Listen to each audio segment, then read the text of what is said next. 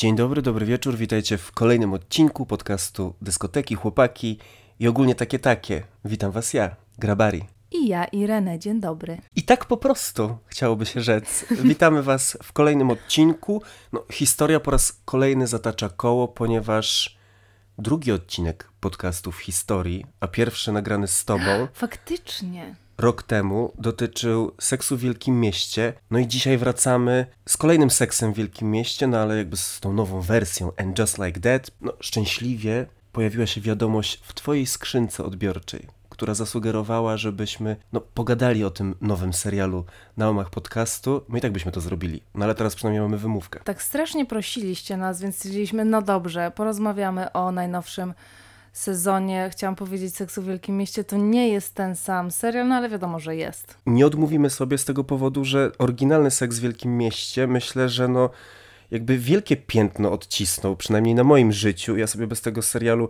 no, nie wyobrażam swojej egzystencji całej. No a teraz, skoro pojawiła się nowa wersja, jakiś tam reboot, ludzie to różnie nazywają, dla mnie to jest coś bardziej ala spin-off, no bo nie ma właśnie tego tytułu. No i może tutaj nawiązując do tego, co powiedziałaś, warto nie traktować tego jako seks w wielkim mieście, no bo to może prowadzić do, no do rozczarowań, jak się okazało po krótkiej lekturze internetu. No tak, ale z drugiej strony tego nie da się traktować w inny sposób. Mamy te same bohaterki, no nawet czas się zgadza, bo minęło tyle lat, ile minęło do ostatniego sezonu. To są te same osoby, nikt nie zniknął, nawet wielka nieobecna Samantha, ona jest, tylko, tylko jej nie widzimy. Więc no, tego się nie da traktować jako osobny byt. W ogóle nie wiem, czy są ludzie, którzy oglądali tylko And Just Like That. To jest super ciekawe zagadnienie i jeżeli są takie osoby wśród naszych słuchających, to dajcie znać, bo to mnie na maksa intryguje, no bo wierzę, że są. Jeżeli to jest serial na platformie streamingowej, no to naturalnym jest, że jakieś takie osoby zbłądzone, które zobaczą jakąś nowość po prostu, sobie to klikną i zobaczą. No to byłoby ciekawe wymienić się uwagami, czy posłuchać w ogóle refleksji takich osób, no ale my, stare, seksowe po prostu wyjadaczki, stare seksiary, ja czekałem bardzo. No i może teraz już tak przejdźmy do rzeczy, bo jesteśmy po 10 odcinkach, po całym sezonie i oczywiście uprzedzamy, że tutaj będą spoilery i to grube. Wszystkie, wszystko będzie powiedziane. Absolutnie wszystko. No jak, jak jakby rozczarowana, zadowolona, jaki jest werdykt?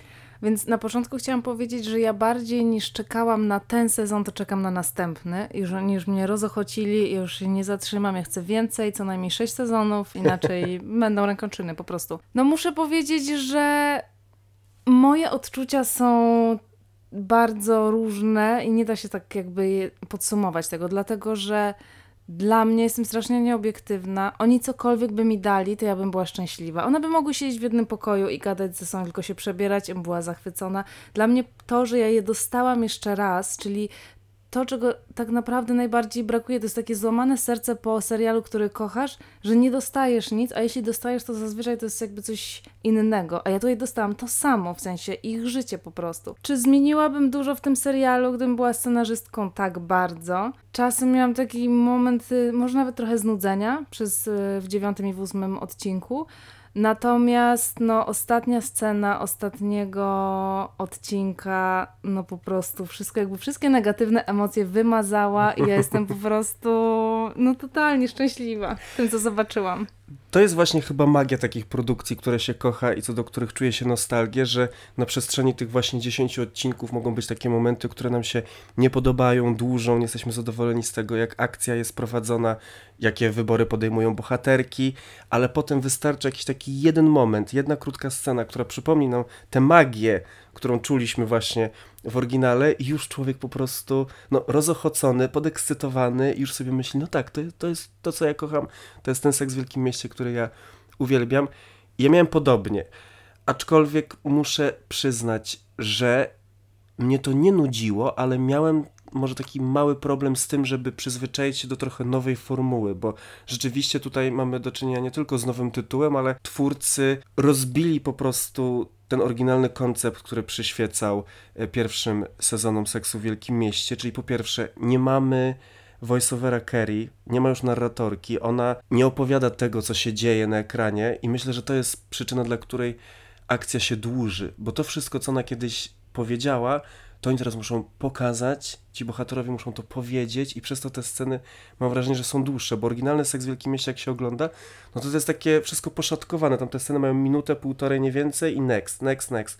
A tutaj faktycznie to ma takie znamiona takich raczej klasycznych seriali, gdzie po prostu jedna scena przechodzi do drugiej, jeden odcinek nawiązuje do kolejnego, nie ma takiego podziału, który myślę nadawał super dynamiki, ale jak już się do tego przyzwyczaiłem, to, to spoko. Brakuje narratorki, ale też cały serial Seks w Wielkim Mieście, no wszystkie odcinki wyglądały tak, że mieliśmy początek, jakąś myśl, ona przechodziła przez wszystkie bohaterki i zakończenie i potem następny odcinek. To był nowy temat, następni kolesie, praktycznie w każdym odcinku byli nowi kolesie. Może nie u Kerry, ale czy u Mirandy, czy u Charlotte, oni się po prostu zmieniali y, za każdym razem.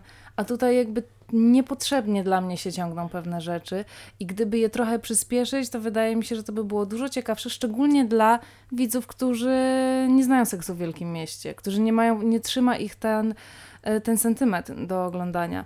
I, I, tego mi trochę brakowało, że czemu to jest takie powolne? To naprawdę mogłoby być szybsze i mam wrażenie, że nic dziwnego by się nie. Tam nie byłoby żadnego spięcia związanego na przykład z żałobą czy z czymkolwiek. To dało się jakoś tak troszeczkę przyspieszyć. A widzisz, a bardzo dużo jest opinii takich, że Kerry z tą żałobą po śmierci Biga poradziła sobie za szybko i ludzie próbują to odnieść do swoich własnych doświadczeń, albo też do takich przekonań trochę, bo my mamy takie pewne społeczne oczekiwania co do tego, jak się powinni powinny w zasadzie, bo to raczej chyba nie dotyczy facetów, jak się powinny zachować kobiety po żałobie. Już samo to, że ta czerń powinna być taka zawsze gdzieś zaznaczona. Ja na przykład to bardzo wyraźnie mogę obserwować na przykładzie celebrytek, które przeżywają jakąś śmierć w rodzinie. Szczęśliwie tych śmierci małżonków nie ma aż za dużo, szczególnie w polskim show biznesie, ale zdarzały się takie rzeczy. No i potem ta kobieta, która jest wdową, ona jest pod taką lupą i się ocenia każdy jej krok.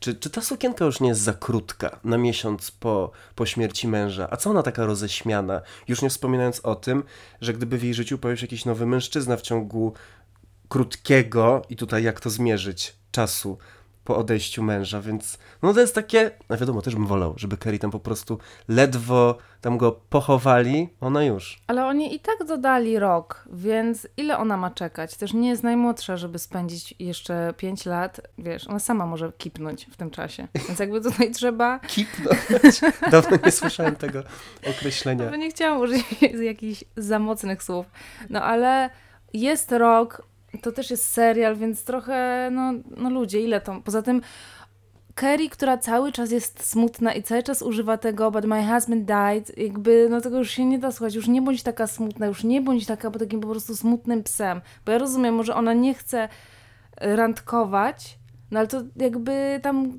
są nowe bohaterki, niech one randkują, chociażby. Znowu ta jej przyjaciółka Nowa Sima, która jest super postacią, no to ona głównie przez ten sezon również tak jojczy jej brakuje tego ogniska domowego, coś tam, a to jest postać, która mogłaby cały czas mieć śmieszne sceny z nowymi kolesiami. Co, co, co raz.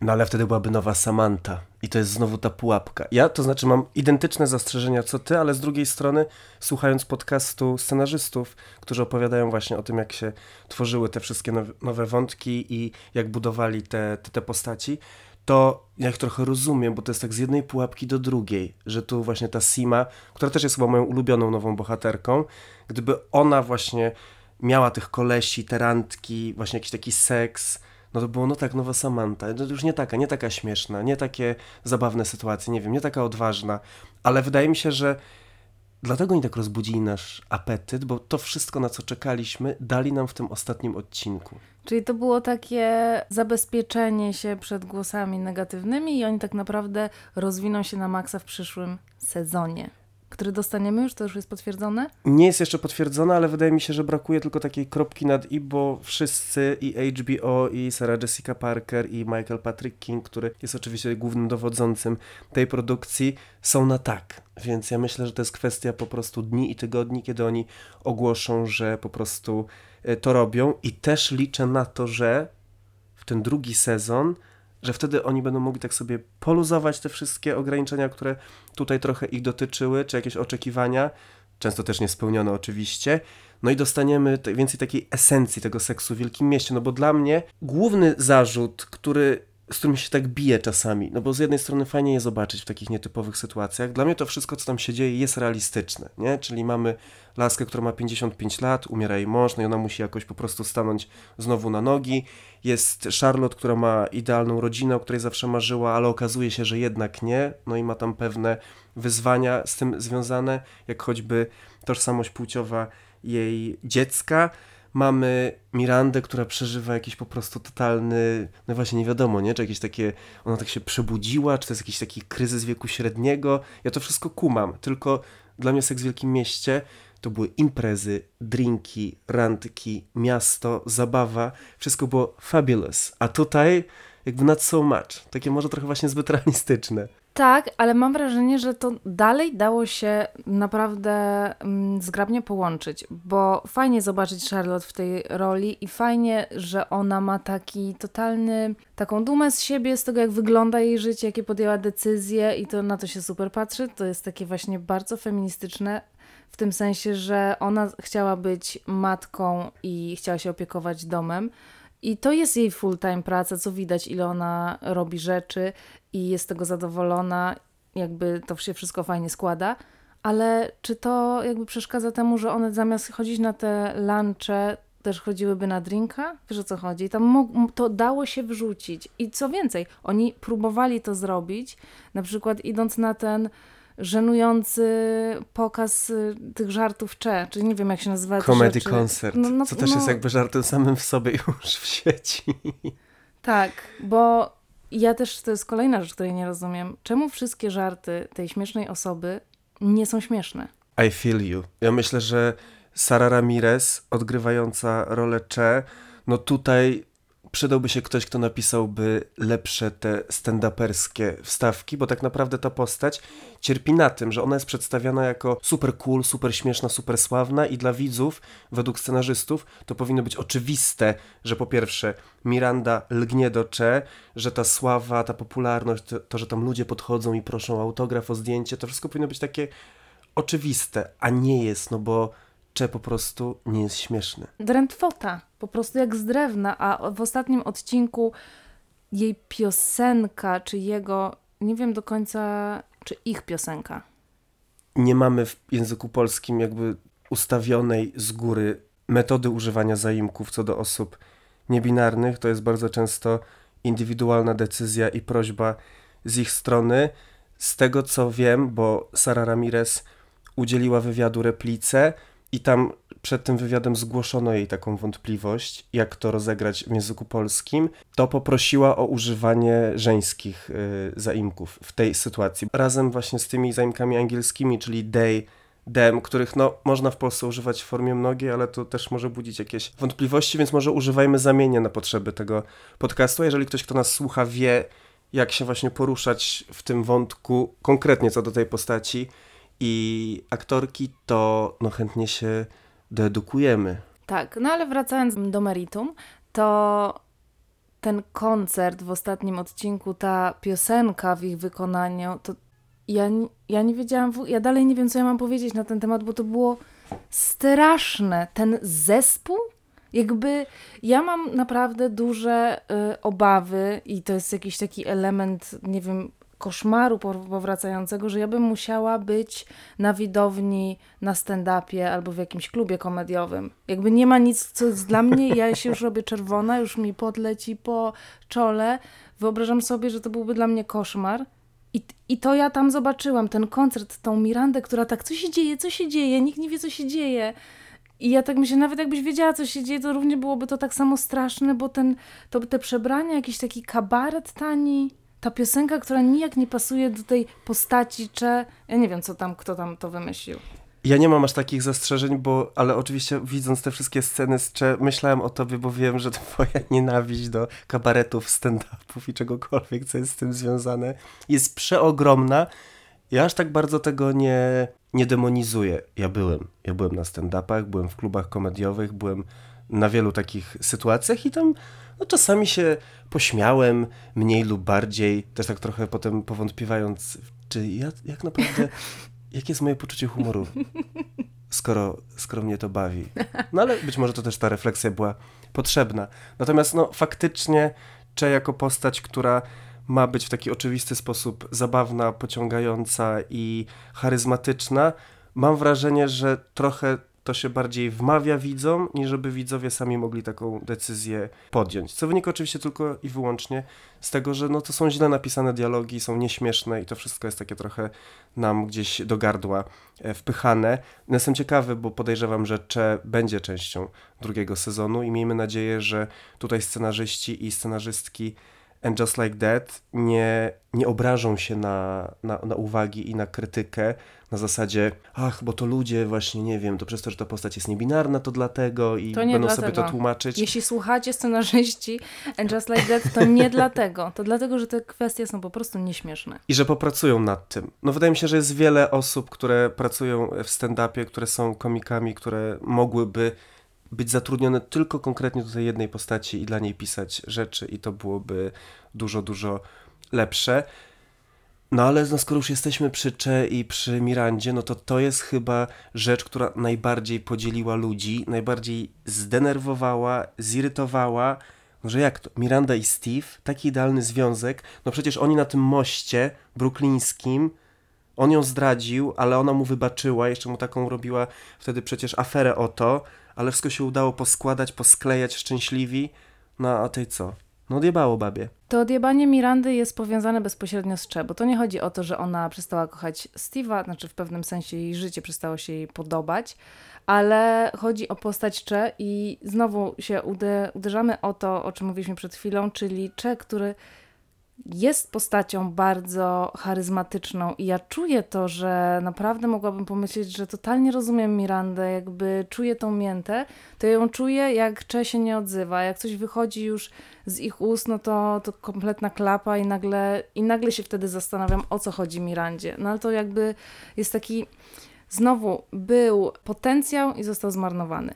No ale wracając do, do tego, to Miranda jest w takim momencie życia, w którym była partnerem firmy. Podejrzewam, że albo dalej jest partnerem, albo sprzedała swoje udziały, więc no, ma gruby hajs. De facto nie musi się już niczym w życiu zajmować, no bo ona była prawnikiem w nowojorskiej firmie, to jakby w Stanach mówi bardzo dużo o tym, ile ona ma pieniędzy, co daje w pewnym sensie dla niej osoby, która zawsze miała duże ambicje i cały czas pracowała, cały czas dążyła, taką pustkę. Idzie na studia, jak się potem dowiadujemy, chciała iść na praktyki, w co ja dalej nie mogę uwierzyć, że ona miała iść na praktyki. No to miał być taki prestiżowy staż, no i domyślam się, że w tej drodze takiej, gdzie ona chciała właśnie wykonywać taką pracę bardziej, powiedziałbym, humanitarną, no to to miałoby sens. Taki, taki ruch. Też musielibyśmy tutaj się zagłębić jakoś w strukturę tych, wiesz, edukacyjnych szczebli, które taka osoba musi przejść.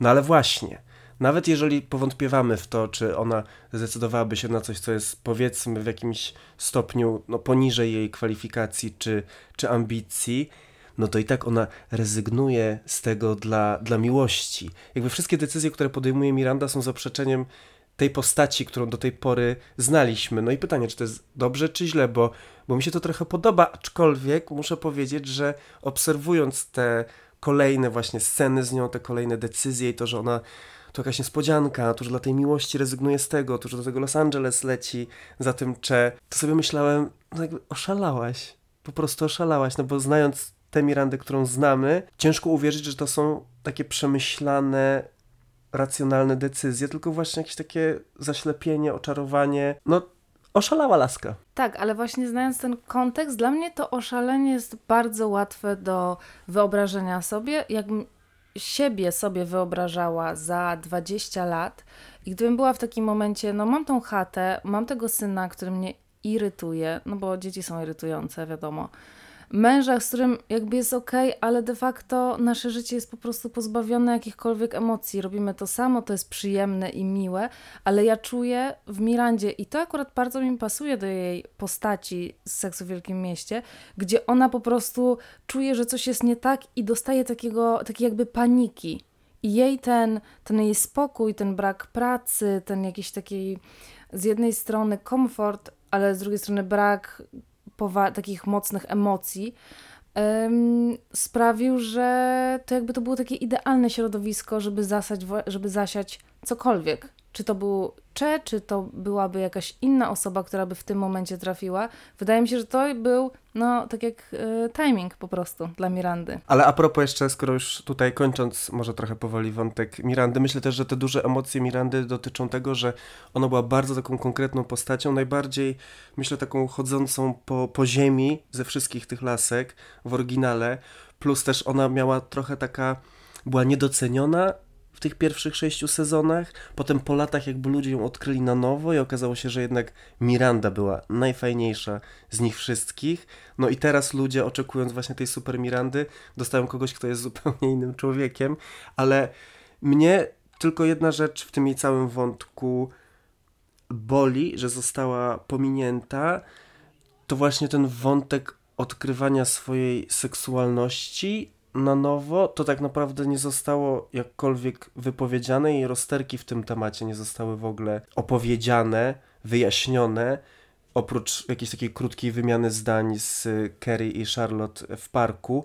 No i wątek jeszcze tego coming outu siłą rzeczy przed synem. No to jest super ciekawy wątek, nie? Że masz dorosłe dziecko, które zna ciebie taką, jaką jesteś, jako matkę, która jest jakby swoim ojcem przez tyle lat i nagle ty po prostu lecisz za, za Cze do, do Los Angeles i tam w ogóle nie ma żadnego pytania, nic nie jest w żaden sposób, no nie chodzi o to, że podważone, ale myślę, że skoro twórcy tutaj chcieli jednak, żeby ten serial miał taką wartość edukacyjną, którą myślę, że on zawsze miał, w takim sensie, że poruszał jakieś takie wątki, które były nieznane, niekomfortowe, jeszcze nieopowiedziane tak szeroko i mainstreamowo, to tutaj była super super okazja. A tutaj jakby ten Brady, on po prostu nie istnieje. Ona w ogóle go nawet nie bierze pod uwagę w tych swoich wszystkich decyzjach.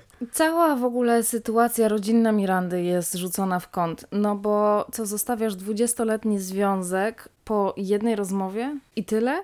I teraz tak, gdzie mieszka Miranda? Bo widzimy w ostatniej scenie, że ona wychodzi na samolot i jest pod tym swoim brownstone'em jest jakby pod domem. Czyli co, co? Steve się wyprowadził? Gdzie się wyprowadził Steve? Co w ogóle robi Steve? Czy ten bar przetrwał? No bo w Nowym Jorku jednak ta żywotność tego typu inwestycji no, bywa różna też w pandemii, no bo oni strasznie lubią do tej pandemii nawiązywać w tym serialu, co też jest czasami zabawne, jak Kerry mówi, że ostatnio stał w kolejce po szczepionkę. No to tutaj też bym oczekiwał jakiegoś takiego wyjaśnienia. Czy Steve teraz też jest super bogaty? Ja Jakby myślę, że wygląda? tak, że Steve sprzedał swój bar z Aidanem razem. Tak, i po prostu ma dużo hajsu i coś tam sobie robi. Ale jakby co, co, co z nimi? No, to, to jest naprawdę skomplikowana sytuacja. Są filmy, które jakby polegają tylko na rozkminieniu właśnie tego, a oni to jakby zupełnie pominęli. Co jest dla mnie kompletnie bez sensu, bo czuję, że Miranda by się wyprowadziła z tego domu. Chyba. Tak bym myślała o niej. Oraz Brady, no nie dość, że matka jest z osobą niebinarną, co, a była z ojcem, to jeszcze do tego rozwala temu ojcu życie i Steve jest na pewno teraz bardzo smutny, co jakby u dzieci zazwyczaj budzi bardzo dużą niechęć do swojego drugiego rodzica, który postanawia rozwalić ten związek, nie chce iść na terapię, nie chce tego ratować, po prostu mówi I'm out. No i też, i znowu, a Brady jakby spoko. W ogóle zero y, problemu. Brady jest tak obojętny wobec matki, że nawet nie komentuje jej nowej fryzury, ona się musi sama dopominać o to. no. I jakby jedyna rzecz, której jej brakuje z jego strony, o co on, ze wszystkich rzeczy, o które on mógłby zapytać, to tak no, jakby już no nic nie skomentujesz o moich nowych włosach.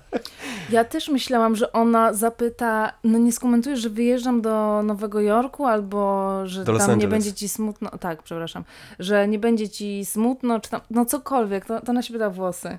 Aha, no bo te, tej informacji nie mieliśmy, Miranda. Aha, żebyśmy w ogóle zauważyli my, że ona znowu jest ruda. No właśnie, to jest to, o czym mówię, że wydaje mi się, że wiele takich opcji rozwiązałby ten motyw narracji przez Kerry, która by powiedziała This morning Miranda woke up like all herself. Coś tam. Już byśmy to wiedzieli i nie trzeba było w ogóle no. tego komentować. Aczkolwiek muszę powiedzieć, że ten krótki dialog z Bradym jakkolwiek, no tak jak mówimy, dużo więcej wątków wolelibyśmy zobaczyć, jak oni rozmawiają o tej całej sytuacji. Tak to, jak ona mówi, że ja byłam pierwsza ruda, mm -hmm. to było cute. Tak, tam jest dużo cute momentów, w których jednak myślisz sobie, o Boże, co tu się dzieje, a potem myślisz, o, Sweet. Sweet. No dobra, ale zaczęliśmy od Mirandy. Trochę o Kerry wspomnieliśmy, no ale to jakby ona tutaj, no myślę, dostała największego kopa w życiu, czyli Mr. Big nie żyje. Myślałam, że zaczniesz mówić o najważniejszej części tego serialu, czyli ubraniach, ale rozumiem, że do tego wrócimy później. No tak, ta w ogóle pierwsze dwa odcinki, muszę powiedzieć, to były moje ulubione odcinki. A to ciekawe, bo według wielu osób one są najgorsze. No i pierwszy odcinek, ta scena, kiedy Lily gra na tym fortepianie i Big po prostu dostaje ataku serca, no to jest y, dla mnie majstersztyk i to jak ona po prostu biegnie do niego i on jeszcze te ostatnie sekundy życia, żeby umrzeć w jej rękach, co jakby każda normalna osoba by zadzwoniła na pogotowie i zaczęła mu robić resuscytację, No ale ale nie Kerry, nie, nie. nie Kerry. Też ja myślę, że ja osobiście po niej tego nie oczekiwałem. To jest osoba, która jakby dopiero mam wrażenie po 25 latach, jak ją obserwujemy na ekranie, ona jako tako obsługuje telefon, więc jakby to jest smartfona, więc wiesz. Baby steps. No to już byłoby trochę za dużo. No poza tym wiadomo, jakby Big musiał umrzeć. No ale ta scena rzeczywiście, jak on krzyczy John, John, no to ja, Jaryk i jeszcze ta piosenka na końcu. You got love, yes. No ja płakałem, widziałem to kilka razy i po prostu zawsze to samo. Ale ja płakałam na pierwszym, na drugim i na trzecim odcinku. Jakby one dla mnie były takie bardzo mocne i tak wracały. Ten drugi odcinek, kiedy ona jest w takim dziwnym stanie, niepłaczącym, kiedy mamy te wspomnienia, ona nie może spać, no to było dla mnie bardzo mocne i takie bardzo prawdziwe i też tyle żałoby by mi wystarczyło. wystarczy, it's over. Tak. Bardzo mnie ujęło i strasznie mi się podobał e, motyw Biga powracającego w lampce. Tak, to było super i to było moim zdaniem idealnie napisane pod Kerry jako postać, Tak, bo ona jest taka totalnie. trochę momentami obsesyjna, psychopatyczna, Mhm. ma jakieś takie dziwne wyobrażenia i ona tak naprawdę sama sobie buduje narrację, mimo że i widzowie, i jej przyjaciółki wszyscy wiedzą, że to, to nie jest prawda, ona w to brnie i ta lampka naprawdę, taka trochę mi się, to, ta lampka jak z jakiegoś takiego filmu Pixara po prostu, Tak. taki mały, ona się zapalała i ona tak jeśli chcesz mi dać jakiś znak, mrugnij. No jakby to, to jest total Kerry. I też co jest fajne, co mi się podoba, to to, że ona to od razu interpretowała jako to, że Bigowi się nie podoba to, że ona była na randce. A to mogło oznaczać coś zupełnie innego. A prawda jest taka, że jej się ta randka nie podobała. Więc ona od razu sobie znalazła usprawiedliwienie, żeby nie iść z tym kolesiem i dobrze, bo tam było tak strasznie zero chemii, że na to się po prostu nie dało patrzeć, a ten pocałunek to był jakiś koszmar.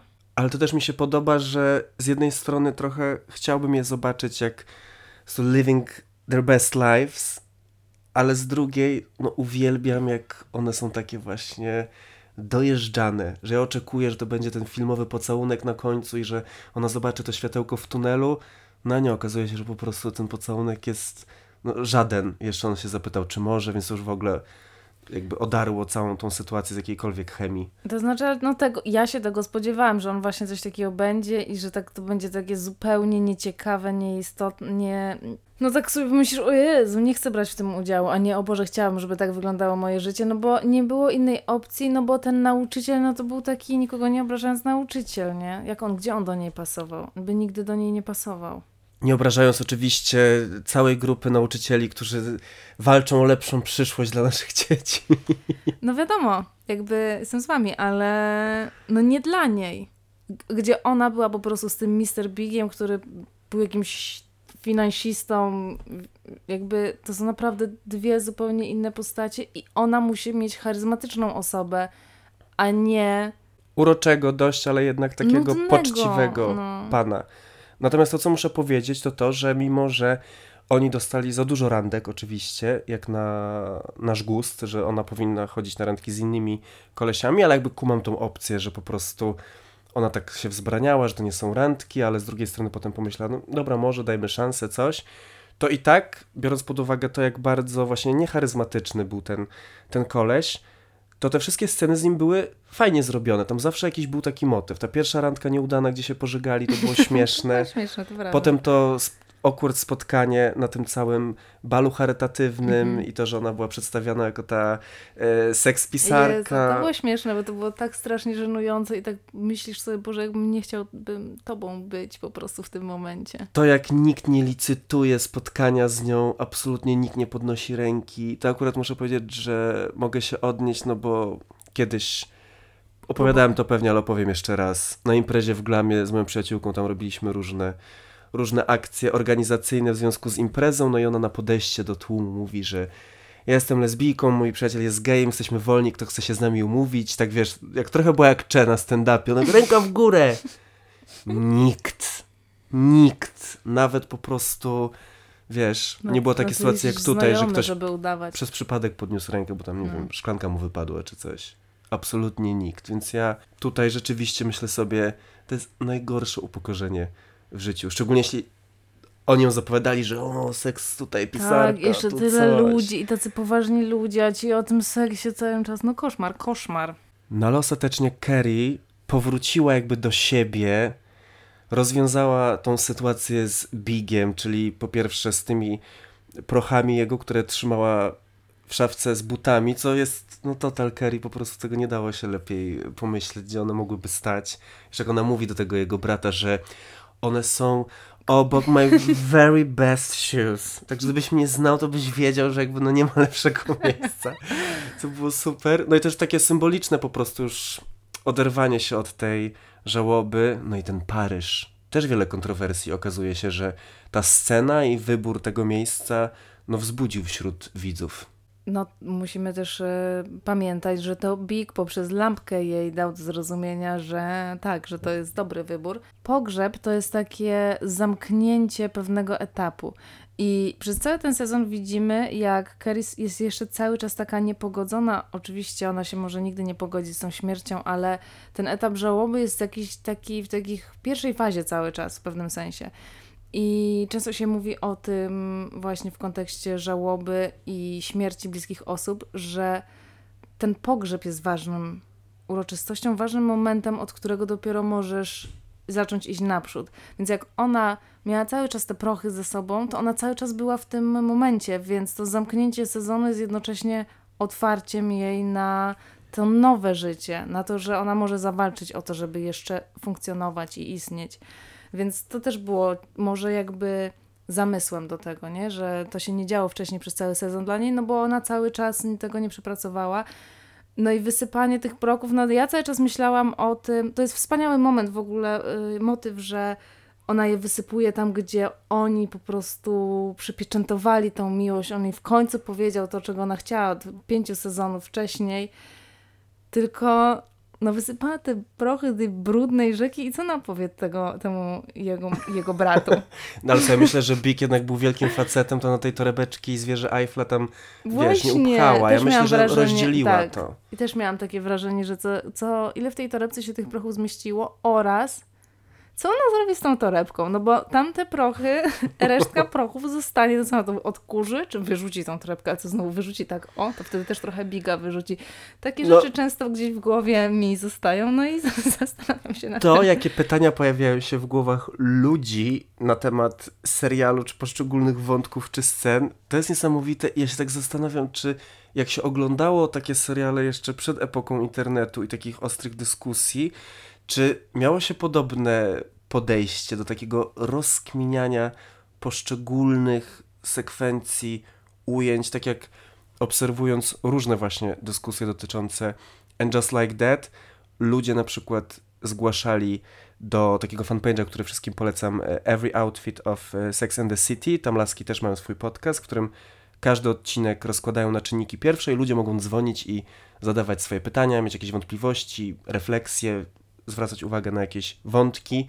Na przykład mówili, no tutaj ten motyw, że jak one siedzą w knajpie Miranda z Kerry się zamieniają jedzeniem, to jest bez sensu. No bo rozumiem, że osoba, która zamówiła zupę, jednak chce kanapkę, ale kto, kto zamówił kanapkę, wolałby jednak zupę. I ja tak, jakby w którym momencie to się staje jakimś problemem do, do zweryfikowania i takiego rozkminienia. Ja bym się zastanawiała, po co ta scena tam jest, ale to jest jedyna rzecz, którą, nad którą bym się zastanawiała, bo znowu mamy jakąś scenę o zamienianiu się jedzeniem zamiast po prostu jakiegoś śmiesznego żartu, albo czegoś tam, albo że wypada komuś kątom z torebki i ktoś się pyta, czemu ci wypada kątom z torebki. No ale to było, ale to było takie chodzi? cute i było króciutkie, no. Takie, że no, zamianka, takie, wiesz. Tak, i przez to ten serial właśnie nie miał tempa i był taki nudny, bo był naszpikowany tymi takimi właśnie dziwnymi scenami, które naprawdę nie wiem, co oni mieli na myśli i też zobaczyli to pomyśleli, świetne, jedziemy dalej. Jakby nie, nie rozumiem. Ja właśnie mam zawsze takie zderzenie sam ze sobą, bo z jednej strony też lubię tak rozkminiać i analizować, a z drugiej jak widzę, jak ludzie rozkminiają i analizują, to sobie myślę, no to już jakby jest krok za daleko. Że no co ci to przeszkadza? Trwało to trzy sekundy, jakby daj żyć. Ja bym o tym zapomniała, gdyby nie to, że faktycznie też słuchałam tego podcastu i że też o tym przypomniałeś. Tak, i ten wątek nagle ożył. No ale co do Kerry, to dla mnie ten motyw żałoby jest bardzo ciekawy, no bo on rzeczywiście się dzieje dział się na przestrzeni serialu takimi etapami, że ona jakby powoli próbowała sobie z tym poradzić i tak trochę się z tych wszystkich warstw związanych z Bigiem odkopywała, czyli najpierw sprzedała to mieszkanie, które to było oczywiste, że no musi po prostu to zrobić, bo będzie jej przypominać tylko o tym, że jej mąż tam zmarł w łazience. Potem było próba poradzenia sobie z tymi wszystkimi rzeczami, które zostały i ta konfrontacja z tymi jego płytami. No więc tam był taki motyw, mi się wydawało, że ona tam już sobie z tym radzi jakby tak ostatecznie, bo wychodzi do tego światła w tej jego marynarce, wygląda jak Kerry po prostu klasik, którą znamy, no ale okazuje się, że jeszcze, że jeszcze jako pisarka musiała zrobić sobie takie katarzis pisząc książkę, co też było spoko, jakby jest premiera tej książki, hello. To mnie trochę właśnie irytowało w tym serialu, jeśli miałbym wskazać taką jedną rzecz, że pojawiały się jakieś wątki i one nie były kontynuowane albo kończone, nawet na zasadzie jakiejś takiej jednej małej sceny. Tak, tym bardziej, że mam wrażenie, że naprawdę to byłyby sceny z potencjałem i oni cały czas jakby sobie dawali ten potencjał w postaci tej książki i go szybko zabierali, bo nie ma negatywnej recenzji, bo nie ma publikacji, bo nie ma tego otwarcia. Jakby czemu, czemu zabrane jest tyle świetnych scen, a zamienione to jest na na przykład Naya, Nayale, dr Nayala Wallis, która no, występuje tam parę razy i za każdym razem jest ten sam wątek z nią. Z tym dzieckiem, że ona chce, nie chce, mąż chce, nie chce, jakby okej, okay, fajnie, niech to się pojawi raz i jakby no to jest serial, jakby to musi trochę przyspieszyć, nie? A nie, że my cztery razy słyszymy cały czas tą samą kłótnię jej z jej mężem o tym, czy oni chcą, czy tam rozmowę, czy chcą mieć to dziecko, czy nie. Jakby, dlaczego? Ja się przyczepiłem trochę tej książki, że ten wątek nie został pociągnięty, bo moim zdaniem to była doskonała okazja do tego, żeby nadać jeszcze więcej głębi wątkowi związanemu z Samantą, no bo Kerry od tego wychodzi, że ich przyjaźń zakończyła się dlatego, że Kerry postanowiła zrezygnować z jej usług jako PR-ówki, no bo już jakby nie wydaje książek, rynek książkowy nie jest taki jak był, no i tam jakieś pojawiły się niesnaski i tutaj to właśnie mogło być dla niej takie trochę second guessing, nie? Że teraz trochę jest jej głupio, no bo ona jednak wydaje tą książkę i że I wish Samantha was here, że ktoś zorganizował przyjęcie, które nie było tak dobrze zorganizowane, jakby to zrobiła ona i to pozwoliłoby trochę trochę wrzucić takiej ludzkiej strony i wzięcia odpowiedzialności za to na Kerry, bo tego nie ma. Ja tutaj mimo wszystko widzę to jako bardzo konkretny ruch ze strony Sary Jessica Parker, która nawet w tym krótkim dialogu w pierwszym odcinku, kiedy mówisz, że moja przyjaciółka potraktowała mnie jak bankomat, no ja nie mogę tego inaczej interpretować niż jako szpilki po prostu do, do Kim Cattrall. No bo to ta jakby ta linijka w ogóle nie miała sensu, to nie ma żadnych podstaw to, co ona powiedziała, ani jeśli chodzi o Samantha jako postać, którą znamy, bo... ani to życie, które tam było stworzone. No, Samantha zarabiała na Kerry jakby w jakiej galaktyce? Właśnie, w jakiej galaktyce, kiedy miała już wtedy, te 20 lat temu, firmę, która robiła wszystko już wtedy i ogarniała, przypomnijmy sobie, jak się nazywa, Lucy Liu. Tak, Wiesz, no tam przez chodzi? chwilę, ale no. No tak, ale chodzi o to, że to był jej kaliber rzeczy, którymi ona się zajmowała, a nie Kerry, od której nawet jeśli, to nie, i tak nie brałaby pełnej stawki, która i tak by nie była taka duża. Więc jakby no, to nie ma żadnego sensu. To nie ma żadnego sensu i tu jednak wydaje mi się, że no, to był ten motyw. To był ten motyw takiego trochę wtłoczenia tych sytuacji, które zdarzyły się w prawdziwym życiu, czyli tego konfliktu między aktorkami na ekran. A szkoda, bo w zasadzie oprócz tej pierwszej, właśnie jednej z pierwszych scen, kiedy pada to wyjaśnienie, dlaczego Samanty nie ma, później te wszystkie interakcje i wspominki o niej, łącznie z tą w ostatnim odcinku, no to były fantastyczne. Za każdym razem, jak to się działo, to ja po prostu się cieszyłem, to mi jakoś tak tak się tym jarałem, trochę mnie to wzruszało. To było naprawdę coś niesamowitego i oni super to rozwiązali. Jakby to, że Samantha jednak mimo wszystko była obecna. Tak, i bardzo bym chciała, żeby, żeby naprawdę sprawili, żeby wróciła, bo to się da zrobić. Nie wróci. Nie wróci, już był wywiad ostatnio właśnie z Michaelem Patrickiem Kingiem i z Sarą Jessica Parker i ona nawet pokusiła się o to, żeby powiedzieć, że no ona nie byłaby jakby chętna na to, żeby Kim Cattrall wróciła, no z uwagi na to, co, co powiedziała publicznie i jak to wszystko zostało rozegrane, że nie czułaby się z tym z tym ok. Mało tego, wbijając jej trochę po raz kolejny szpilkę.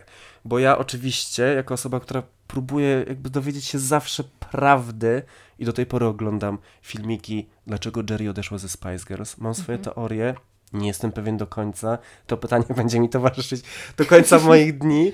Tak samo próbowałem jakby rozkminić, o co tam tak naprawdę chodziło.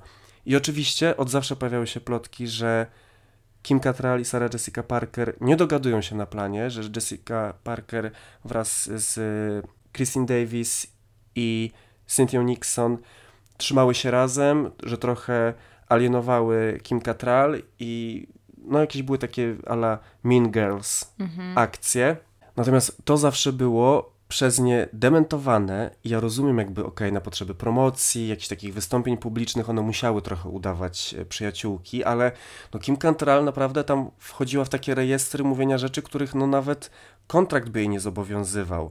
Że mówienie, że te kobiety zmieniły jej życie, że właśnie soulmates, no rzeczywiście ona tam szła grubo, a mogłaby, wiesz, no powiedzieć coś takiego Po prostu. Wszystkich by to us- usatysfakcjonowało, ale nie byłoby takie jakieś magiczne, nie stwarzałoby takich potem rozczarowań dla ludzi, nie? że no jak to one się tak uwielbiały i teraz się o coś pokłóciły.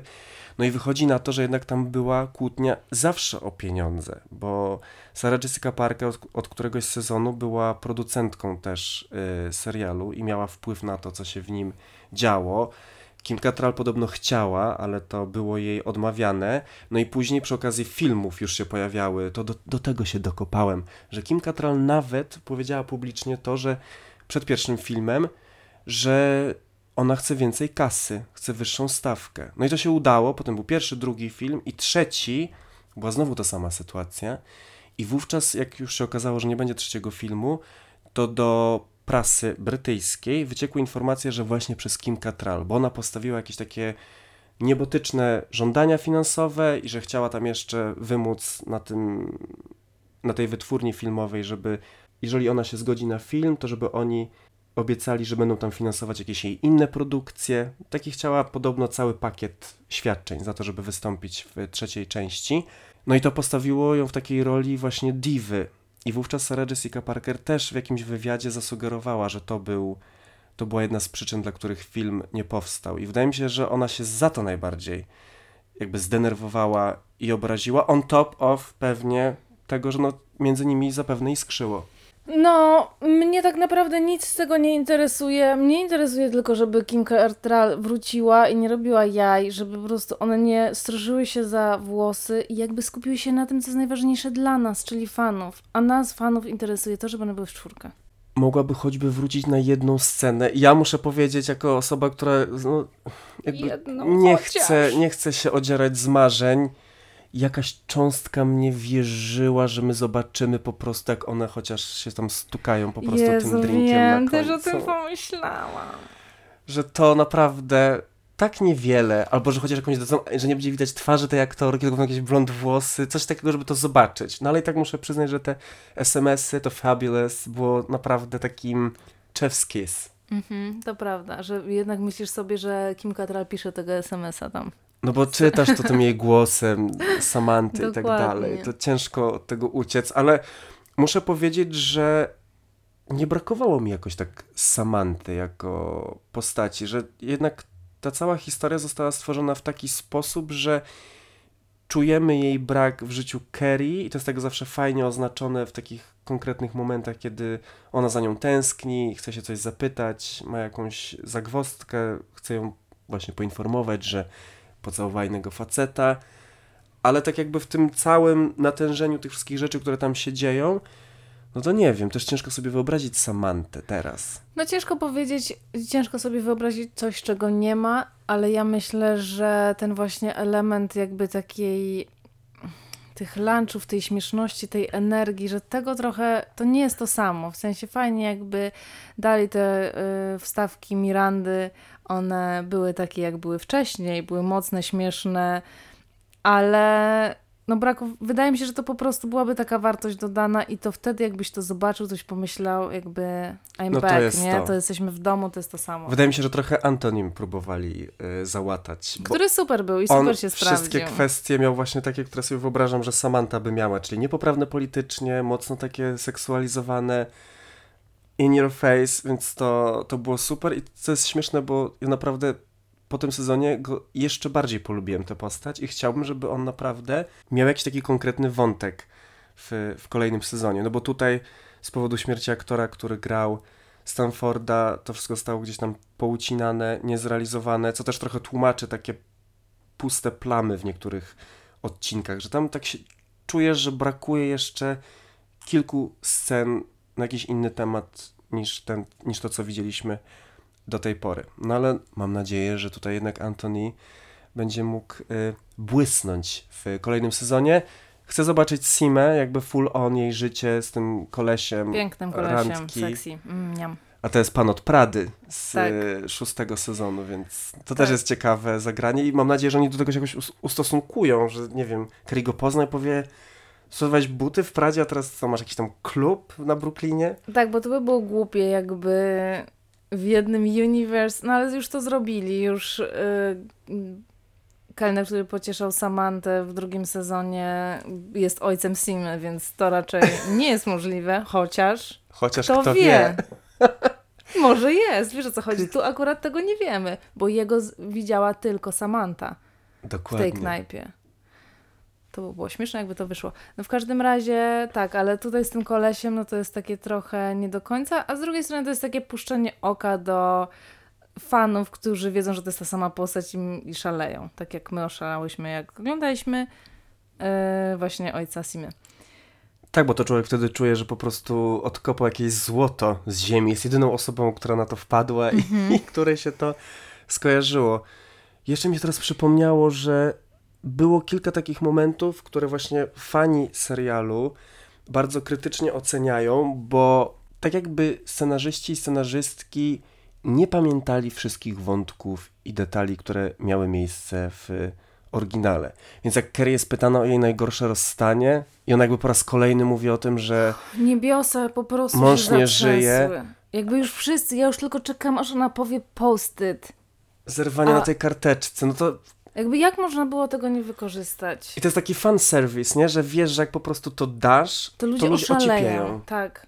A jak tego nie dasz, no to okej, jestem zdziwiona, że tego nie dali, no ale sobie myślę, kim wy jesteście ludzie? W ogóle wy widzieliście tam ten seks w Wielkim Mieście? I Jak I można to aż się prosi, aż się prosi. I to nie jest takie, że się prosi, bo to jest taki oczywisty wątek, tylko to jest taka wisienka po prostu. Ona nawet mogła powiedzieć te obie rzeczy. Ona mówi, no do tej pory mi się wydawało, że moje najgorsze Tak. zerwanie to było posty, no ale jak już mój, mój mąż zmarł, no to przebił to. Dokładnie. I teraz pomyślałam, że tak samo jak są ta, cały czas takie motywy, które dają nam do myślenia, że Cze będzie, nie będzie z Mirandą w zamkniętym związku tradycyjnym, tylko będzie w otwartym związku, a tak naprawdę nie będzie o tym wiedzieć. I już mieliśmy tyle tych motywów, żeby to było i to się cały czas nie pokazuje, to się jakby trochę pokazuje, trochę nie, bo Cze mówi, że nie będą w tradycyjnym związku, bo dziwnie reaguje, jak ma, Miranda mówi, że jest jego, jej, ich dziewczyną. I tam jeszcze jak No to drugi chatę, sezon, to drugi No. sezon mam nadzieję, że będzie. Bo to pasuje do życia randkowego Mirandy, który jest pełne właśnie takich zawiedzionych nadziei i dziwnych e, ludzi. I pasuje do tego, żeby ten serial był aktualny, no bo wątek otwartych małżeństw czy związków nie był do końca taki wyeksplorowany w, w oryginalnej serii. Tam się pojawiały motywy trójkątów, zapraszania kogoś trzeciego i tak dalej, ale tutaj no wydaje mi się, to byłaby super ciekawa kwestia. Podwójnie, no bo Miranda musiałaby się odnaleźć po pierwsze w otwartej relacji, jako ta osoba, która godzi się na to, że twój partner, partnerka sypia z kimś innym, no tak, czy ona by chciała sypiać, czy sypiałaby teraz z kobietami, z osobami niebinarnymi, czy jednak wciąż sypiałaby też z mężczyznami? No to jest jakby takie, naprawdę mam wrażenie, całe pole nieograniczonych możliwości, no i tylko one can hope, że ci scenarzyści po prostu z tego skorzystają, bo to jest super ciekawy wątek. I też pominięty kolejny wątek, o którym trochę wspomniałeś, czyli Miranda nie mówiąca o seksie z no nie facetem, nie? Jakby po prostu z waginą. Jakby to jest w ogóle pominięte, a nie powinno być, bo, no bo jest to dla niej nowość. I co, i wie co robić, albo pomyślała, że to jest supernaturalne, albo czuła się właśnie supernaturalnie, co jest też dla nas fajną informacją, że jakby ona po prostu kocha Cze i jakby wszystko tam pasuje i nic nie jest dziwne, czy nie. Ona się nic trochę jest ogóle... pozycjonowana jest tutaj w tych seksualnych jej konfrontacjach, tak to nazwijmy, z Cze, jako jednak ta strona biorąca, ona jakby jest receiving i nic właśnie to jest to, co mówi super tak, ciekawe. nawet w scenach, nie? Że one siedzą przy tej kawie, ona mówi, no słuchajcie, no jakby jak tutaj, zawsze mi się wydawało, że wiem jak się sama mam zaspokoić, no ale jak mam to zrobić osobie, która też ma waginę, no to jakby how does it work? I Kerry wtedy, a, już muszę tam odmówić swój deser i to nagle Charlotte mówi, wiesz, jakiś z manualem wyjeżdża, tak, zaskakująca, ku zdziwieniu wszystkich. No więc te reakcje, uczucia są mieszane, ale ostatecznie dla mnie pozytywne, no bo tak jak to, co powiedziałeś na początku. Dostałem to, czego chciałem, czyli chciałem zobaczyć, co się dalej dzieje u tych lasek. Niektóre wątki mnie irytowały, niektóre nudziły, niektóre mnie ekscytowały, niektóre mi przypominały o tym, jak bardzo kocham ten serial i, i za co. No i jedyne, co mogę powiedzieć, to to, że od początku decyzja o tym, żeby to było tylko 10 odcinków, już była zła. Mhm. Bo oryginalny Seks w Wielkim Mieście miał 16, 18 chyba nawet momentami i tutaj właśnie mam wrażenie, że to byłby idealny środek sezonu, czyli Kerry po prostu... Tak się otrzepuje ze wszystkiego, Miranda zaczyna nowe życie, Charlotte jakby też uporządkowała to swoje życie rodzinne do pewnego momentu i teraz może być to nowe, nowe otwarcie, no na które liczę. Tylko kiedy teraz? Ja mnie to czekanie zabija. Po obejrzeniu serialu to jest gehenna. Gehenna, szczególnie, że było zakończone tym namiętnym pocałunkiem, na który czekaliśmy po prostu na takie emocje cały sezon. Bo ja wiedziałem, że ten kolej z O Jezu, radia... od pierwszego odcinka. No przecież najbardziej hot postać tam. Nie oszukujmy się. No i dojechał ją w windzie, co też jest problematyczne, no bo tutaj wiesz, power imbalance w pracy, no on ze swoim szefem się całuje. No producentem, to nie do końca jest jej szef. No dobrze, ale musimy y, ubrania. Ubrania, ubrania, ubrania. Jezu, bo jeszcze o ubraniach nie gadaliśmy, no to już muszę tobie oddać głos, bo ja się po prostu nie znam. Mi się chyba wszystko po prostu podobało. No dobrze, więc tak, dlaczego Kerry cały czas ma na sobie marynarki? To jest rzecz, której ja nie mogę zrozumieć, nie mogę tego pojąć. Ona nawet jak ma sukienkę, z którą idzie z tą lampką do naprawy, prześliczną zresztą, to to również jest sukienko marynarka. W każdym, absolutnie w każdej scenie, codziennie ona w tych marynarkach. Mi się to nie podoba, bo to fajnie, oczywiście te stylizacje są fajne, no ale no, no Kerry nie chodziła i nigdy by nie chodziła codziennie w marynarce. Co to jest za pomysł? Tak, że te stylizacje są takie trochę przewidywalne, bo mają podobną konstrukcję, czyli sukienka, tak, na to coś jakieś takie jebko zarzucone, marynarka, dużo warstw, co jakby jest bardzo w stylu Kerry, ale no ta powtarzalność po prostu tego motywu bywała trochę taka no przewidywalna. Ale było parę takich outfitów y, pokręconych, dużo tam się działo i tak sobie myślę, okej, okay, to jest jakby, to jest Kerry. I tak i nie. Dlatego, że dla mnie, jak myślę sobie, myślałam o całym tym sezonie w kontekście garderoby, to ona ubierała się oczywiście w taki sposób, ale ona, ten jej styl był bardziej trochę taki też codzienny, a w każdym razie był przeplatany takimi bardzo mocnymi stylizacjami, które były bardzo proste, jak na przykład e, biała koszula z paskiem tylko, który jakby był po prostu najlepszym outfitem chyba czwartego chyba czwartego sezonu, bo drugiego. Albo sukienka, twoja ulubiona stylizacja, czyli prosta sukienka mini w, z awiatorami, okularami, jakby, albo tylko to futro, które ona nosiła, wiadomo, teraz się nie nosi futer, Fiuter, przepraszam. Fiuter. o czym ja na myślę. szczęście się nosi. Tak. I, a tutaj jest zrobione tak, żeby każda stylizacja cię z, po prostu zbiła z pantałyku i to jest dla mnie nietrafione, bo to trochę się, to nie do końca tak było. To jest jakby bardziej tak jak w filmach, po prostu cały czas oni tak robili, że wszystko miało być takie wow, wow, wow. To nie, to ja czuję jednak to... różnicę, bo dla mnie filmy były, o ile jeszcze w pierwszym filmie było czuć, że to jest Kerry, tylko taka Kerry po prostu już bogata, z tym bigiem, mm -hmm. która nosiła fajne ubrania, ale takie jednak bardziej właśnie taka laska z tej bogatszej części Nowego Jorku.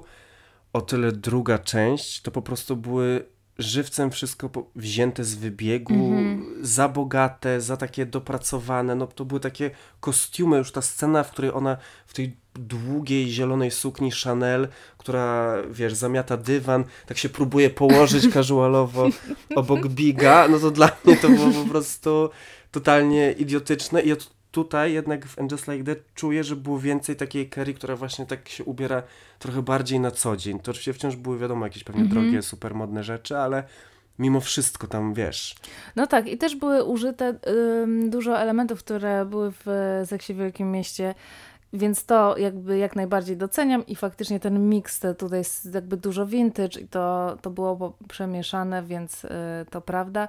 Oczywiście z jakiegoś powodu cały czas widzę w praktycznie w każdym odcinku, albo na pewno po prostu za dużo, te obrzydliwe białe botki, których nie znosiłam, nigdy nie mogłam zrozumieć, jak ktoś mógł je kupić i one cały czas, jeśli ona ich nie ma na nogach, to one są gdzieś na szafce, tak żebym cały czas te botki widziała. Co to jest w ogóle? oni Skuctwo. celowali w ciebie po prostu tym. Jezu, masakra. Natomiast no, ostatnia scena, to znaczy ona jest przedostatnia, ale scena na moście, w tej kiecce, Valentino. oh my god, i w tych ogromnych różowych rękawiczkach, co jest śmieszne, bo one wyglądają jak rękawiczki do prań, do jakby do jakiegoś mycia, bo one są takie ogromne. Trochę jak te, w których ona paliła. Dokładnie. Może to te same. Dokładnie. Kerry jednak, wiecie, recycling. Tak, więc y, ta stylizacja, jeszcze torebka z wieżą Eiffla w Paryżu, no to jest dla mnie hit i absolutnie love this. Jakby to jest chyba też spełnienie mojego marzenia, że mogła po prostu łazić po ulicach jakby w takiej kietce, nie? Zapewnia tam 100 tysięcy dolarów, no bo to chyba jest od Kitir. Ja byłem w szoku, jak to oglądałem i cieszę się, że akurat to nie zostało mi w żaden sposób zaspoilerowane, bo ja jestem cienki w spoilery. W sensie, o ile jestem w stanie tak z rozwagą uniknąć takich spoilerów pisanych, czyli nie kliknąć w artykuł, który mi powie, co się stanie z Samantą, chociaż oczywiście to robiłem, o tyle jak gdzieś tylko na Instagramie mi nawet mignęły na miniaturce zdjęcia z planu, no to strasznie ciężko było mi nie kliknąć i nie zobaczyć. A tutaj okazuje się, że produkcja jakimś cudem nie dopuściła do tego, żeby te sceny zostały sfotografowane, więc to była taka naprawdę dla mnie szokująca niespodzianka, tym bardziej, że byłem pewien, że tą finałową stylizacją z Paryża będzie ta stylówka z tą rozkoszowaną kiecką, taką w kwiaty z białą marynarką oczywiście, Oczywiście. krótką, bo takie były foty z nią i Mr. Bigiem właśnie z Paryża.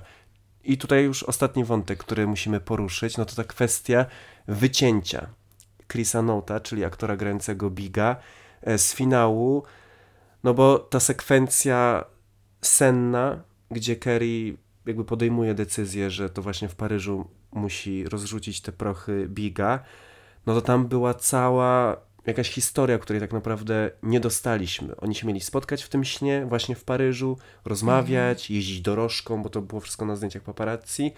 No ale z uwagi na to, że aktor odgrywający tę rolę został oskarżony o molestowanie seksualne, o gwałt, no generalnie tam była cała, cała historia e, oskarżeń, no z tego powodu został z tych scen wycięty.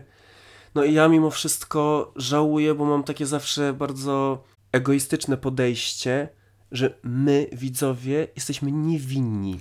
Tak, Mogliśmy my to jesteśmy zobaczyć. niewinni, ale niestety, no, czy kolesie nie mogą trzymać po prostu swojego, nie materiału, tylko jak to się tam nazywa, sprzętu, jak się tak... To ty nie wiesz, jak się nazywa? No i zapomniałam, no. Ten No to, to, to trzeba szybko sobie przypomnieć. Em, No po prostu fiutów nie mogą trzymać. Nie, nie, nie, no chciałam tak... Ja to trzeba powiedzieć wprost. Narzędziem no tak, zbrodni ale to było po prostu... Dlaczego, dlaczego po prostu wszyscy, raz nam wszystkich zabiorą, czy jest oczywiście ich wina. No i strasznie to jest smutne, bo mielibyśmy po prostu, ta końcówka byłaby idealna, podejrzewam. No ale nie da się, no rozumiem, że to tak właśnie będzie działać. Podejrzewam, że też że nie usłyszymy tak naprawdę o tej sytuacji e, więcej. Podejrzewam, że tam poszły po prostu ugody w tym całym procesie. Nie było tak naprawdę żadnego procesu, więc tutaj nie wiadomo, ale to już jakby ta sytuacja mnie o tyle jakby nie interesuje, że no jakoś nie angażuję się emocjonalnie w takie historie.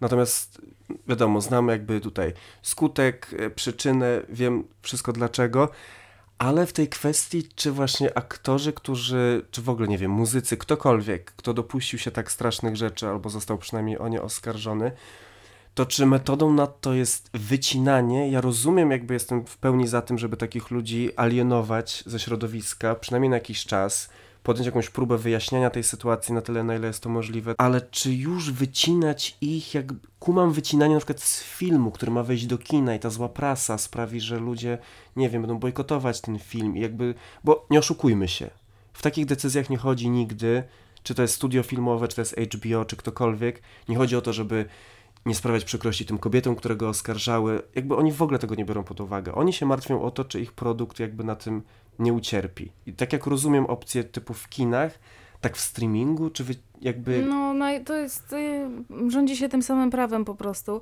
a też jak masz taką myśl o tym, że nie będziesz takiej osoby zatrudniać y, przez to, co zrobiła, no to jeśli nie będziesz zatrudniać, no to gdzie się zaczyna ta myśl? To ona nie powinna też już wystąpić w tych rzeczach, ale czy to znaczy, że oni będą ją teraz wy, wy, wycinać seksu w Wielkim Mieście? No nie, on tam już zostanie, ale przez to, że to jeszcze nie, nie wyszło, no to...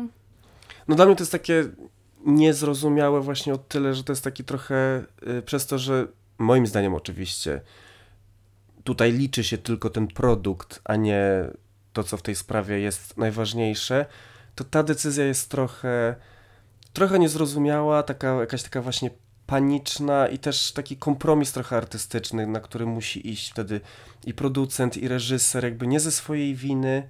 No nie wiem, to jest bardzo, bardzo takie ciężkie i oczywiście teraz ktoś może powiedzieć, no tak, no ale jakby wy tu narzekacie, że tam kogoś wam wycięli z serialu, a ktoś przeżywał dramat. No nie, no jakby każdy w tej sytuacji musi się jakoś odnaleźć i każdego takie rzeczy dotykają na zupełnie innym levelu.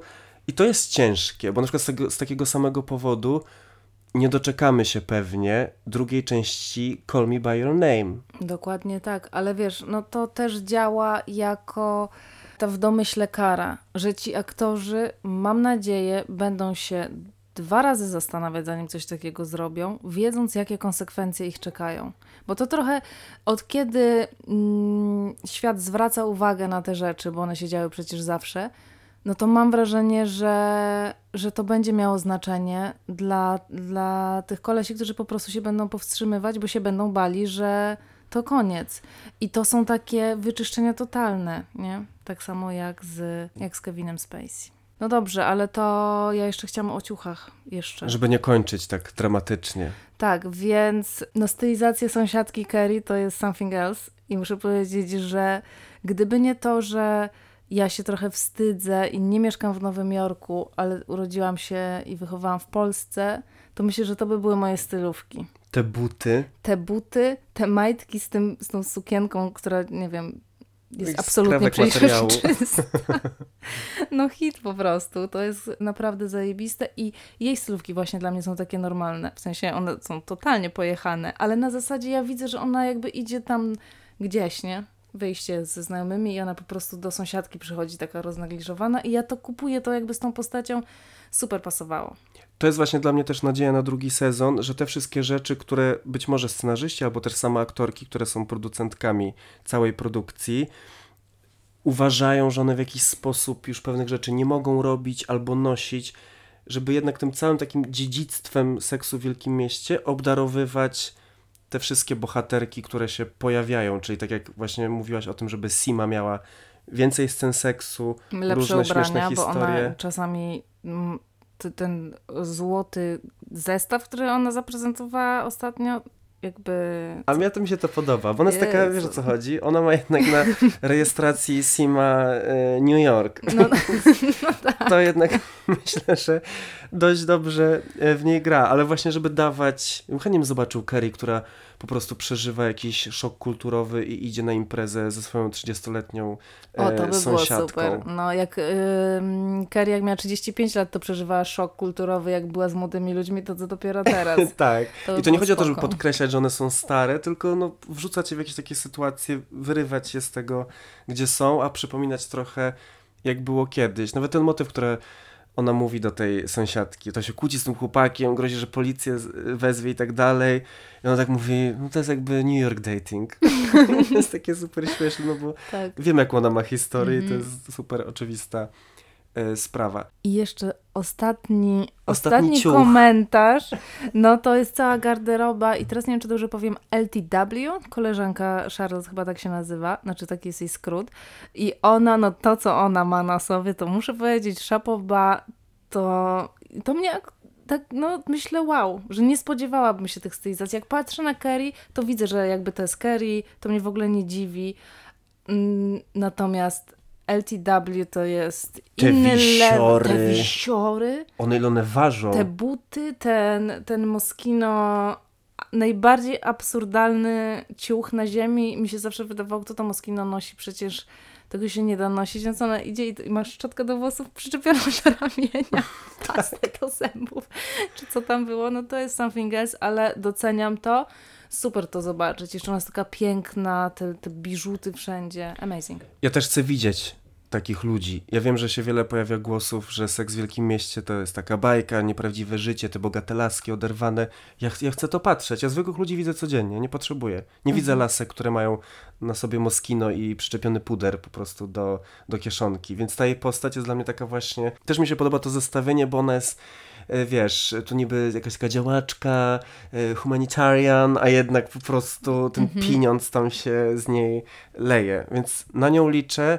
No ta na, Naya Wallis, Już mi daj, już koniec, jakby albo Najala ma jakiś nowy, coś nowego będzie robić, ja bo bym wolał jeszcze jej męża zobaczyć. Nie, On był dla mnie mega hot. Ta stylizacja Znaczy, z ogrodniczkami też- i z panterką. ona też jest hot, ale po prostu nie mogę tego i, i była fajniejsza, jak był ten początek, nie? Jak, jak y, disowała trochę Mirandę, czy tam bardziej ustawiała. Spoko, tylko już skończcie mi, już nie chcę ani tego męża widzieć, albo tego dziecka, albo niech to się pojawi. Ja mogę zrobić in vitro z nim, a ona niech jakby Tak, już... już jakby go on with her life. No dobrze, ja już tutaj ogłaszam koniec tego odcinka po raz chyba trzeci, ale no, no nie da się skończyć, jak się dwie psychofanki spotykają. Dla mnie największą siłą seksu w Wielkim Mieście było to, niezależnie na jakim etapie życia sobie to oglądałem czy przypominałem, było to, że ja tam wszędzie widziałem siebie, swoje historie, oczywiście w takiej wersji bardzo no, bajkowej, nowojorskiej, ale jednak. No i pytanie, czy, czy my się widzimy tutaj w tym serialu, czy my się widzimy jako my za lat, no już niestety trzeba to powiedzieć, 20. Mi się to właśnie dobrze oglądało pod tym względem, że zastanawiałam się nad sobą, jaka ja będę. Że bardzo chciałabym, gdybym miała dzieci, że to nie chcę, ale jakby gdybym chciała je, gdybym je miała, to chciałabym stworzyć dla nich takie warunki, jak Charlotte stworzyła swoim córkom, że one są w stanie jej mówić o takich rzeczach. Jako, że na przykład są, nie są, nie czują się dziewczynkami jak rok. Albo Lili, która po prostu potrzebuje jej fizycznej obecności przy wkładaniu pierwszego tampona. Że to jest takie coś, ta, taka atmosfera w domu, która jest super trudna do stworzenia i to jest zajebiste. Bardzo tak, jak oglądam, tak naprawdę jak przez cały ten sezon to widać, ten jej, jak ona stworzyła to ognisko domowe. Ja się totalnie widzę jako Miranda, czyli po prostu mam 55 lat, robię statement, że niby siwe włosy są super. Znaczy to akurat już będę musiał zrobić za rok. Tak naprawdę, już wejdę w te buty i będę przekonywał wszystkich, że siwizna jest cool. Jakby są ważniejsze rzeczy, trzeba pomagać ludziom, nie moje włosy. No i potem po prostu mi coś strzeli do głowy i spakuję się, gdzieś wyjadę, ktoś mnie oszuka oczywiście, no bo Cze jest fuckboyem totalnie. Mhm. No i każda po prostu taka baba, no wiadomo, trafisz na taki, tak jak powiedziałaś, na taki jeden wrażliwy moment, kiedy to wszystko będzie możliwe. Ja już spakowany, już lecę. Tak, muszę powiedzieć, że ja tutaj też y, widzę scenariusz, w którym coś mi tak, tak po prostu się złamie. Ja spalę wszystko, co jest dookoła mnie i, i zrobię właśnie coś takiego. Jedyna nadzieja, że to się nie wydarzy w moim życiu, właśnie nadzieja, nie wiem czy to tak, że pozytywnie czy negatywnie, Bo to są jednak fajne emocje w życiu Mirandy. To jest zajebista rzecz, że masz 50 parę lat i nagle okazuje się, że nie musi być nudno, nie musi być tak samo, nie musisz się zastanawiać na tym, czy to już jest koniec twojego życia i tak naprawdę dążysz tylko dzień po dniu do tego, że będziesz miał mniej energii i wszystko będzie wyglądać tak samo. Okazuje się, że może być totalnie zajebiście. Dlatego ja uważam, że to się może w moim życiu nie wydarzyć, bo ja nigdy nie osiągnę tego stanu, w którym wszystko będzie jakby już tak załatwione. Pod jakimkolwiek względem. że zawsze będę miał jakieś dramy w związku, zawsze nie będzie takiego motywu, że już będę miał tyle hajsu, że już jakby mogę nic nie robić i nie mieć żadnych, wiesz, w związku z tym emocji, takiego gonienia za czymś. Myślę, że to wiele jakby osób będzie mogło się z tym jakby utożsamić. I no nie wiem, ale to jest bardzo ciekawe i też takie nieprzewidywalne, no bo nawet serial oryginalny tak się skończył, że one wszystkie po prostu znalazły swoje miejsce na świecie, u boku tych facetów i to już wtedy się powinno zakończyć, ta bajka, potem żyli długo i szczęśliwie, no i tutaj mijają kolejne lata, w filmach pojawiały się jakieś problemy po drodze, ale też zawsze to był happy end, no jednak okazuje się, że mija kolejnych tam 10 lat i wszystko już było ustalone, ustawione, plan był jakby jasny, no i nagle trzeba się odnajdywać w nowej rzeczywistości, co nie jest proste w żadnym wieku. Tak, ale też jest, yy, ale też się zdarza, bo my oczywiście jesteśmy przyzwyczajeni do tego, że kolesie w wieku średnim robią takie rzeczy. No i gdyby na przykład to Steve miał zrobić taką rzecz, okej, okay, to do Steve'a nie pasuje, ale do jakiegoś innego, innej postaci, która w wieku 55 lat rzuca małżonkę dla, no, co najmniej 10 lat młodszej osoby, no to by nas nie zdziwiło. To by było normalne. A I wręcz takie byśmy powiedzieli, no ale wymyślili super oryginalny wątek. Tak, nie? a nagle robi to Miranda i to jakby się wszyscy zastanawiają, czy ona by rzuciła swoje życie. I mam wrażenie, że no, nie sprawdzają, kim jest Miranda i kim była, bo Miranda miała te właśnie takie jakieś dziwne ruchy. Tu wyrzucała Steve'a, bo tam, nie wiem, oglądał kreskówkę albo coś tam, że to było takie i ona jest tą samą osobą. I ja jako stara osoba siebie wyobrażam też jako tą samą osobę, też często niepanującą nad, nad sobą. I wydaje mi się, że te rzeczy ani nie znikają, one po prostu są nawet bardziej intensywne. I to też właśnie się pokazuje, że Miranda już nie ma nic do stracenia. I ona po prostu, wiesz. To też jest taki motyw, że nam się wydaje, co chcemy albo co powinniśmy chcieć. To właśnie to było to, co rządziło Mirandą, że ona z jednej strony była takim silnym charakterem, wszyscy zawsze o niej mówili, że ona wie czego chce, jest taka konkretna bardzo, robi sobie te listy, analizuje takie bardzo realistyczne i przyziemne argumenty przy podejmowaniu decyzji. A trochę tak nie było, bo nią w takich momentach, kiedy ona podejmowała decyzję o swoim życiu, decydowały nią takie emocje, czyli na przykład, nie wiem, nie zrobiła aborcji, no bo to był jakiś taki poryw chwili, stwierdziła, dobra, jednak nie robię tej aborcji. Potem postanowiła być ze Steve'em, co też było takim trochę tak, takim porywem chwili, no bo jak on już nie był jej, to ona mhm. stwierdziła, że jednak go chce, bo z kimś innym nie jest tak, jak jej się wydawało, że będzie. Potem po tym rozstaniu, kiedy on ją zdradził, też robi tam listę i w zasadzie nie wiemy, jak tam wyglądał ten stosunek za i przeciw, co prowadziło, co wygrywało, no ale widzi się w odbiciu lustra, że ma to mleko po kawie i tak samo się Steve, jakby jednak go kocham po prostu. I też jest taki poryw serca, ona biegnie na ten, na ten most. I potem się jednak okazuje, że no ten poryw chwili jakby, no może, może zawsze gaśnie w pewnym momencie, no i to jest fajny motyw, że są te drzwi otwarte, że możesz to w każdej chwili zmienić. I ten Steve super, ta scena jest taka depresyjna strasznie, jak oni rozmawiają o tym rozstaniu, ale to, co on mówi o tym, że no to nie jest dla ciebie wystarczające, że mam takie super łatwe, zwykłe życie, że sobie siedzimy, jest fajnie, nie ma tej całej huśtawki i ona tak, no, no nie. No właśnie nie, bo jest taką osobą, że właśnie nie. A Steve super, i Steve jest dokładnie tą osobą, którą był, plus te 20 lat. I tu trzeba dodać, że ten aktor też ma problemy ze słuchem w prawdziwym życiu. Więc to, że on nie słyszy, to nie jest tylko taki gag komediowy tam i robienie z niego starego dziada, tylko rzeczywiście tak było. W ogóle właśnie jak słuchałem tego podcastu scenarzystów, to oni powiedzieli, że przy And Just Like That utrzymali tą starą zasadę z oryginału, czyli wszystkie sytuacje, które im się przydarzają, musiały się komuś przydarzyć wśród scenarzystów i scenarzystek. Że jakby to wszystko bazuje na prawdziwych jakby doświadczeniach. No to chyba trzeba ich zmienić na takich, którzy mają ciekawsze życie i śmieszniejsze.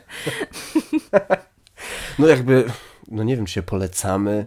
Coś by tam wyjęli z naszych życiorysów dla, dla lasek. Totalnie. Ale to na nowy serial, słuchaj. A, no dobra. No to słuchajcie, chyba najdłuższy podcast w historii podcastów.